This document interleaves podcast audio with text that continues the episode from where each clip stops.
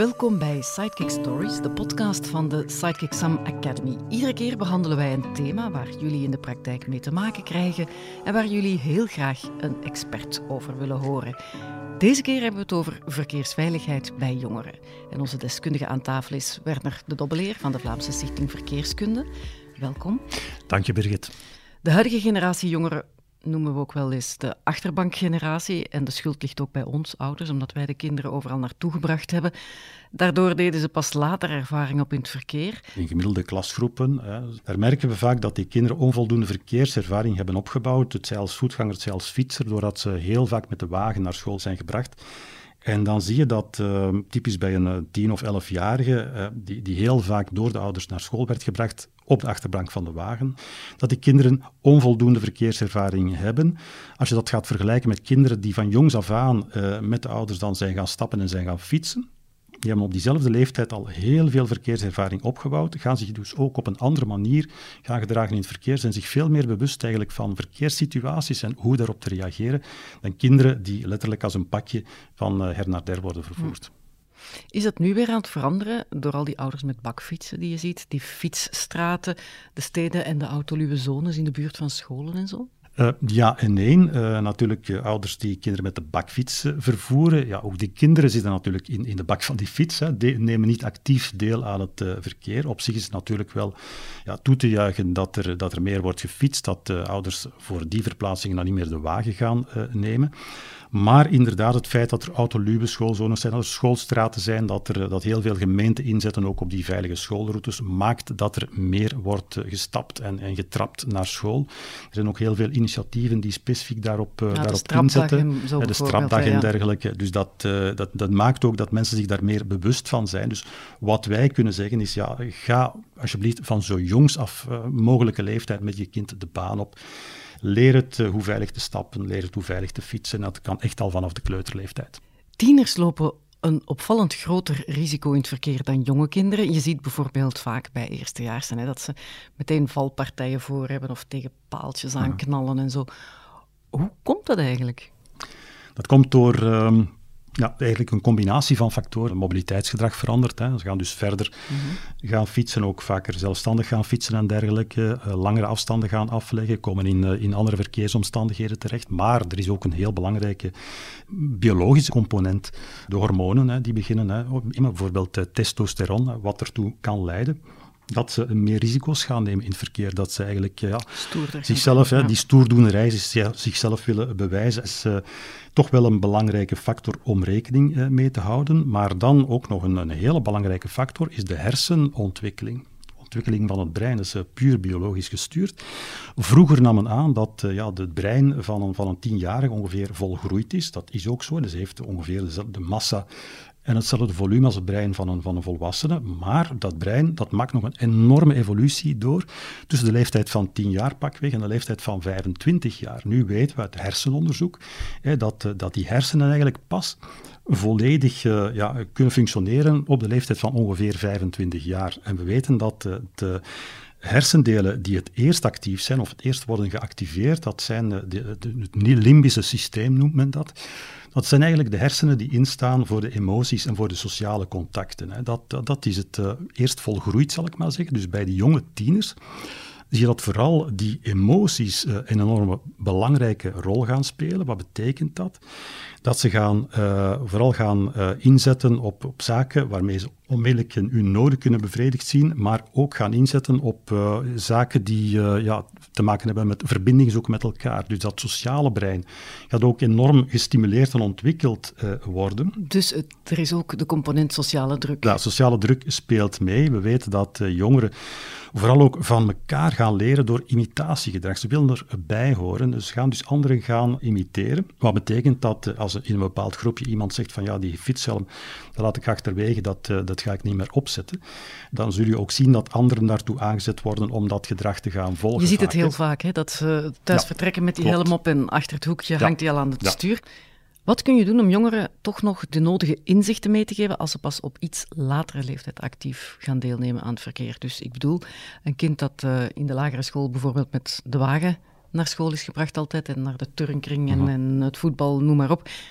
En ze dus inderdaad op die cruciale leeftijd van 12 jaar gaan beginnen te fietsen? Er is een, zeer grote rol voor de scholen uh, weggelegd. Wat we zien is dat heel veel basisscholen inzetten op verkeerseducatie. Uiteraard een goede zaak. Wij ondersteunen dat volledig. hebben daar ook heel veel educatieve pakketten uh, voor. Maar het is evenzeer nodig om daarop in te zetten in het secundair onderwijs. Nu, in het basisonderwijs daar zijn er die eindtermen, specifieke eindtermen voor verkeers- en mobiliteitseducatie op school.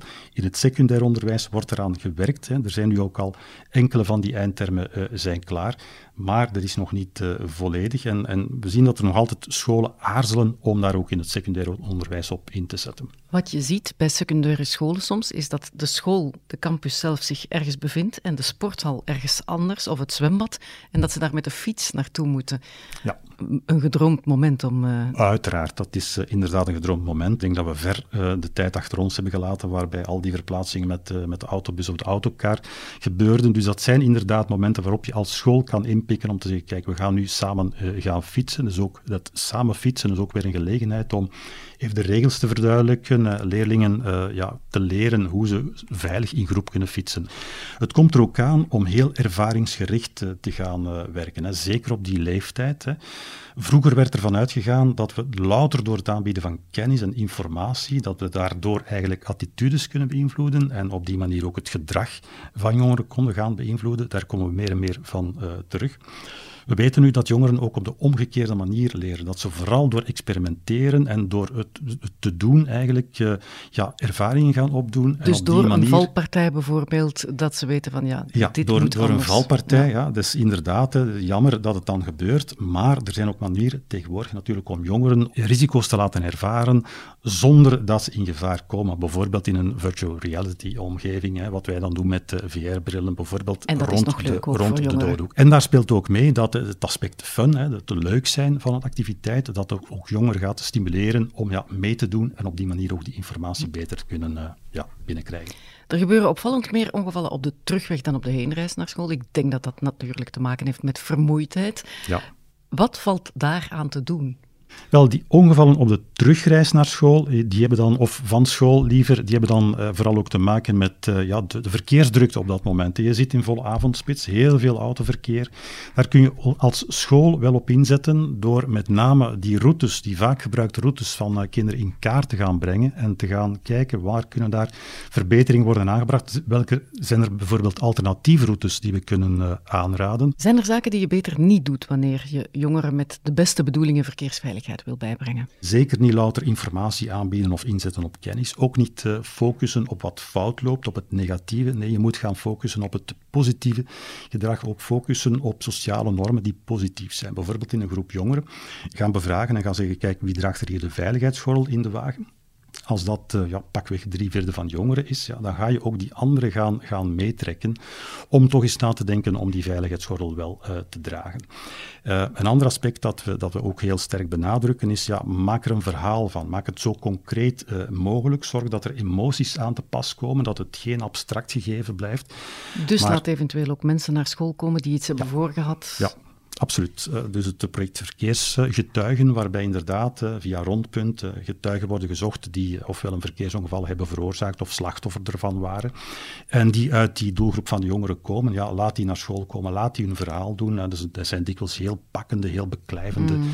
verhalen. Vaak ook met fysieke gevolgen. Hè? Het zijn veel betere manieren om jongeren aan te spreken dan zomaar ja, droge feiten of cijfers te, gaan, te gaan geven. Ook heel belangrijk is dat je het oordelen achterwege laat. Hè. Wat wij zeggen is, laat je oma thuis.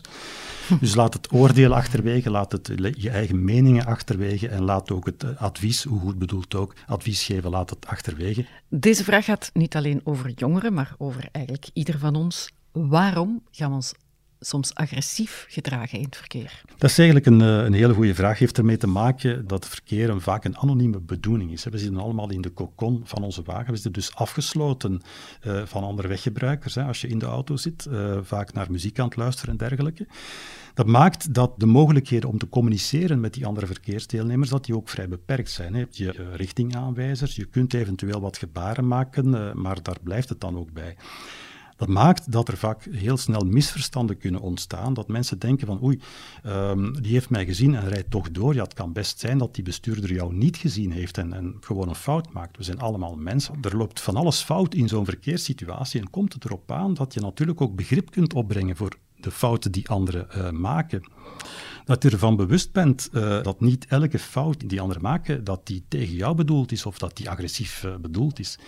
Mensen gaan nogal vaak, of zijn soms geneigd om ja, daarin mee te gaan, dan te gaan denken van oei, die heeft het op mij gemunt. Je, je, ook vaak de indruk dat je concurrenten bent van elkaar in het drukke verkeer. We staan allemaal samen in de file. Je bent geen concurrent, je bent lotgenoten. Je, bent, je deelt allemaal dezelfde verkeersellende. Ook dat, dat beeld zou eigenlijk eens moeten worden uh, ja, bijgesteld. Hè. Het is, het is, beter om je in te beelden, ja kijk, we zitten allemaal in deze situatie, dus als iedereen een beetje meer begrip heeft voor elkaar, dan gaat het ook uh, veel vlotter gaan verlopen. Klopt het dat wij daar in België eigenlijk heel slecht in zijn? Ja, al zowat alle internationale statistieken wijzen dat uit. Hè, dat uh, ja, de verkeersmentaliteit in België dat die echt niet zo goed is. Uh, we, ja, we zijn echt wel plantrekkers. heeft een beetje te maken met de volksaard, misschien met net de geschiedenis. ja, dus we zijn, uh, ja, het is de aard van het beestje. Het is de aard van het beestje. We zijn zo vaak overheerst geweest door anderen dat we een beetje ja, een uh, hebben ontwikkeld, waardoor we eigenlijk een beetje onze zin willen doen. En net dat is natuurlijk niet zo'n goed idee in het verkeer, want ja, het komt erop aan van er zijn nu eenmaal regels. Die regels maken het duidelijk, maken het voorspelbaar voor iedereen, gaan ook de veiligheid van gaan vergroten. Dus het is ook veiliger als iedereen die regels volgt. Ja, ik wou net zeggen, het is wel iets wat we met z'n allen moeten doen natuurlijk. Inderdaad, ja. Uit een bevraging die we deden met TeacherTap blijkt dat 52% van de respondenten al leerlingen hadden die te maken kregen met verkeersagressie Mhm. of een ongeval. De kans is dus zeer reëel dat jongeren daar ooit mee te maken krijgen. Hoe reageren ze dan best? De eerste les is, ga, ga er niet in mee. Hè. Dus uh, ga zeker niet uh, in op provocaties van de anderen. Sluit je af, uh, reageer niet. Dus niet beginnen te roepen, geen middenvingers opsteken? Inderdaad, niet beginnen roepen, zeker niet meegaan in die spanning die zich opbouwt. Waar, ja, dan, ja, waar eindigt het dan? Hè? Dan wordt, komt het misschien tot inderdaad fysieke agressie.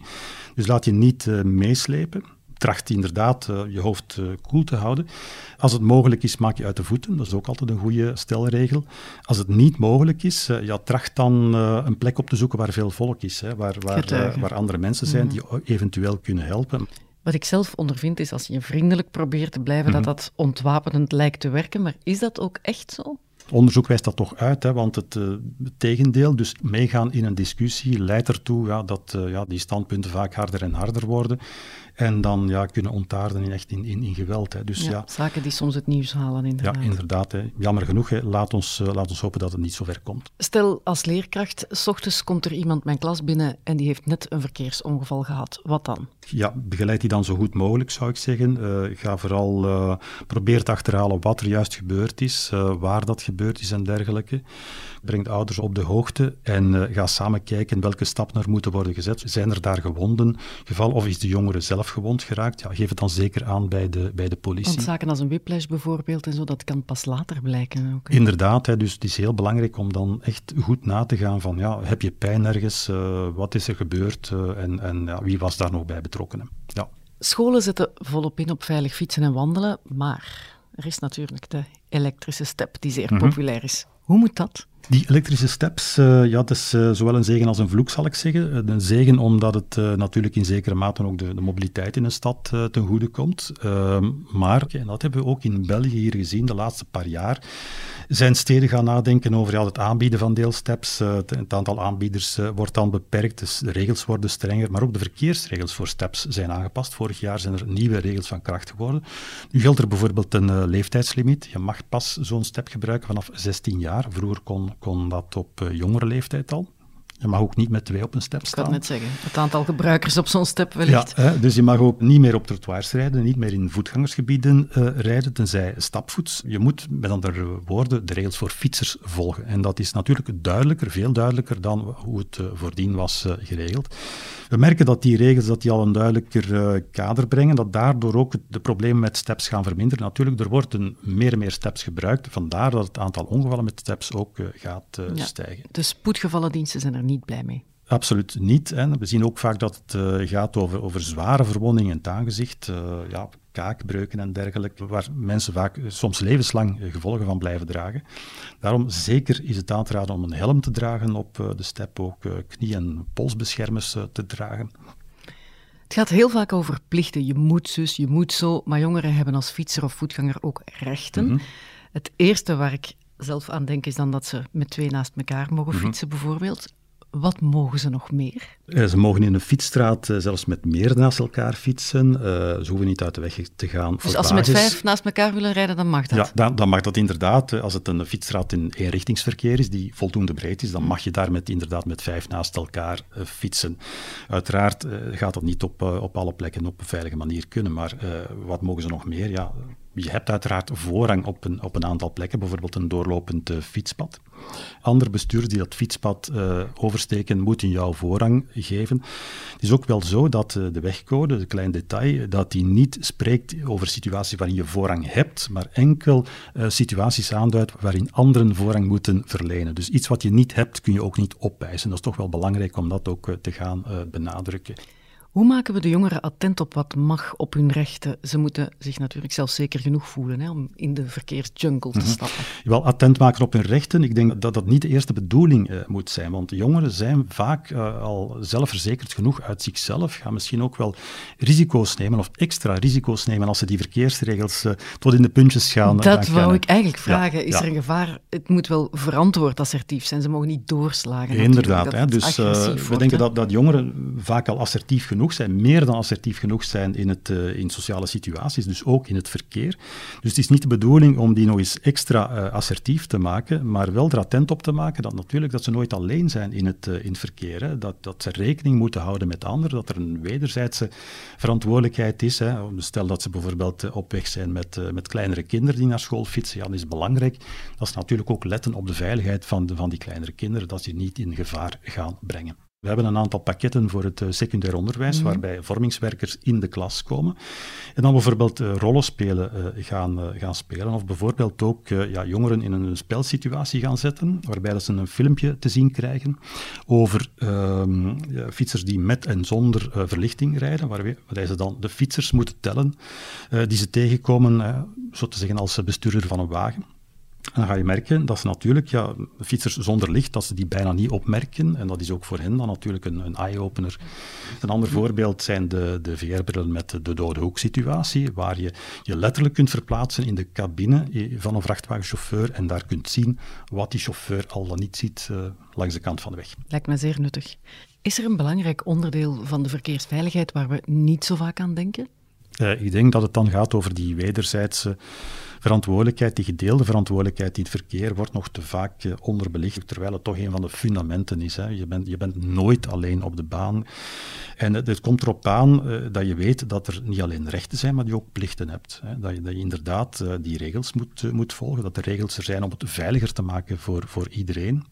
Dat het echt niet de bedoeling is dat je die gaat overtreden, bijvoorbeeld een paar kilometer per uur te snel rijden kan inderdaad al gevaarlijk zijn. De snelheidslimiet is inderdaad de, de veiligheidslimiet. Het zijn allemaal zaken waar we ons nog te weinig van, van bewust zijn en uh, waar, waar elke weggebruiker wel wat kan, uh, kan aan werken, denk ik. Hè. Het is niet zo dat je alleen in je wagen zit, alleen op de fiets, alleen als voetganger in het verkeer bent. Je moet rekening houden met, uh, met die anderen. En vooral met die allerkwetsbaarste weggebruikers, zal ik maar zeggen. De, de kinderen, kinderen, eh, jonge kinderen die eh, te voet of per fiets eh, in het verkeer zitten. Dankjewel, Werner de Dobbeleer, dat je je kennis over verkeersveiligheid wilde delen met de Sidekicksam Academy. Met heel veel plezier.